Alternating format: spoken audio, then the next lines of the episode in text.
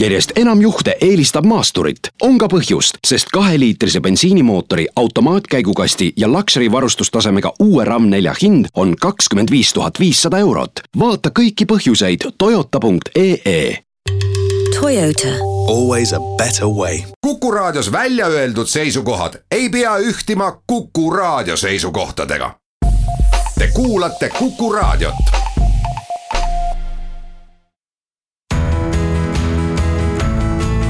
Kuku raadio nädala kommentaar.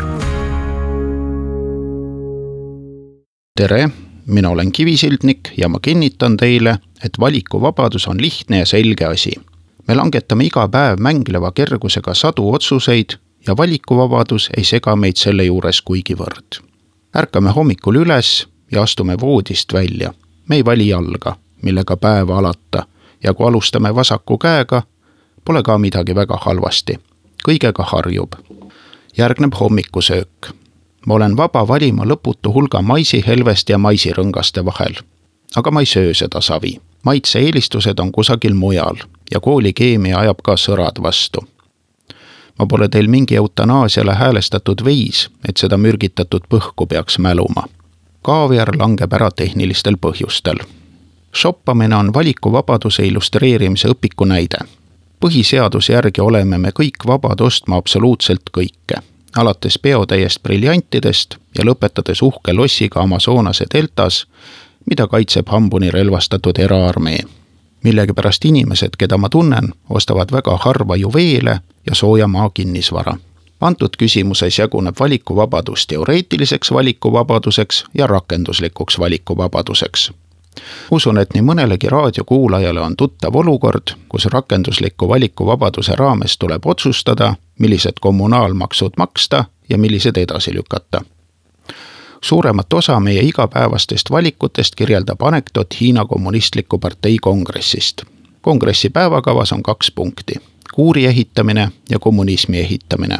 kuna naelu ei ole, siis kuuri ehitamist ei arutata ja minnakse kohe teise päevakorrapunkti juurde kommunismi ehitamine nii otseses kui ülekantud tähenduses on klassikaline valik.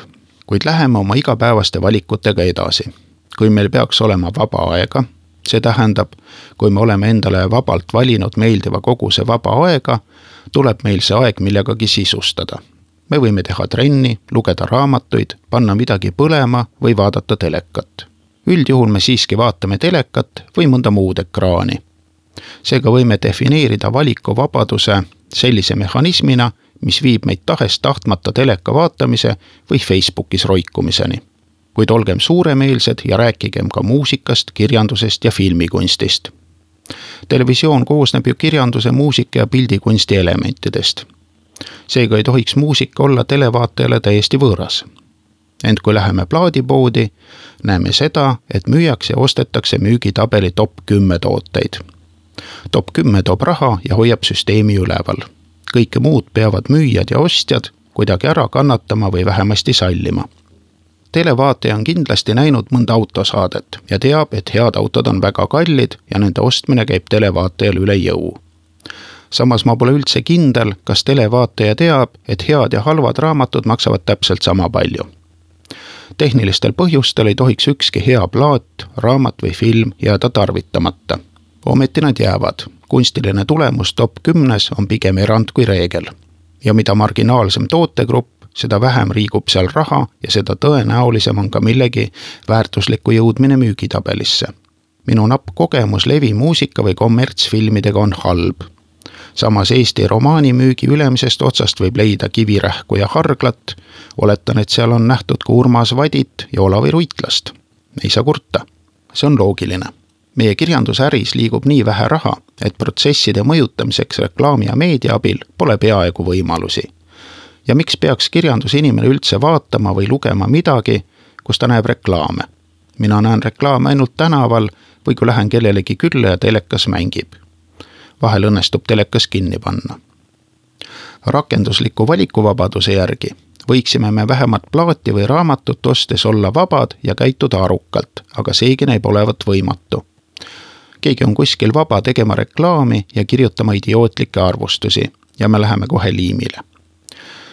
enamus püsib muidugi kindlalt ekraaniliimil ega liiguta kulmugi. aga ka ärksam seltskond on aldis tootma telekasumi asemel muusikatööstuse kasumit või midagi sellist. me ei saa valida oma isa ja ema, aga kui isa soovitab kellelegi haamriga pähe lüüa, siis oleme me vabad valima endale meelepärase haamri. ma ei tahaks lõpetada resigneerunult. Inimesed vaatavad telekat ja on õnnelikud. miks nad peaksid minema trenni ja ennast seal piinama? Pole vaja. miks me peaksime mõtlema? me oleme ju vabad võtma kriitikavabalt omaks mis tahes totrusi ja absurdsusi. kindel on see, et meil ei õnnestu rakendada valikuvabaduse ideed ei asju ostes ega ka tasuta meelelahutust tarbides ja enam kui kindel on see, et me ei vali endale kultuuripärandit ristiks kaela. Ometi on vähemalt üks koht, kus valikuvabadusel on peaaegu piiramatud ressursid ja täiesti vabad käed. me ei saa valida oma ema ja isa ega mõnda ebapopulaarset telesaadet, aga me saame valida oma sugu ja kui mõni alatu tagurlane julgeb väita, et naistel ei ole vänta, siis me häbistame ja karistame teda. vändatagurlased tuleks tõesti hukata, sest nad on inimkonna vaenlased Nad ründavad valikuvabaduse viimast kantsi. Kui meil poleks valikuvabadust, kes me siis oleksime? termiidid, sipelgad, rotid, robotid või kurja voodoo preestri orjastatud zombid? ei, me oleme vaba rahvas vabal maal, kes valib vabalt oma bioloogilise soo ja mis tahes õilsa peremudeli muude asjade vabal valimisel me nurjusime, aga milleski oleme me ikka väga head ja täiesti vabad. Õnneks on tõesti väga vähe vaja Kuku raadio nädala kommentaar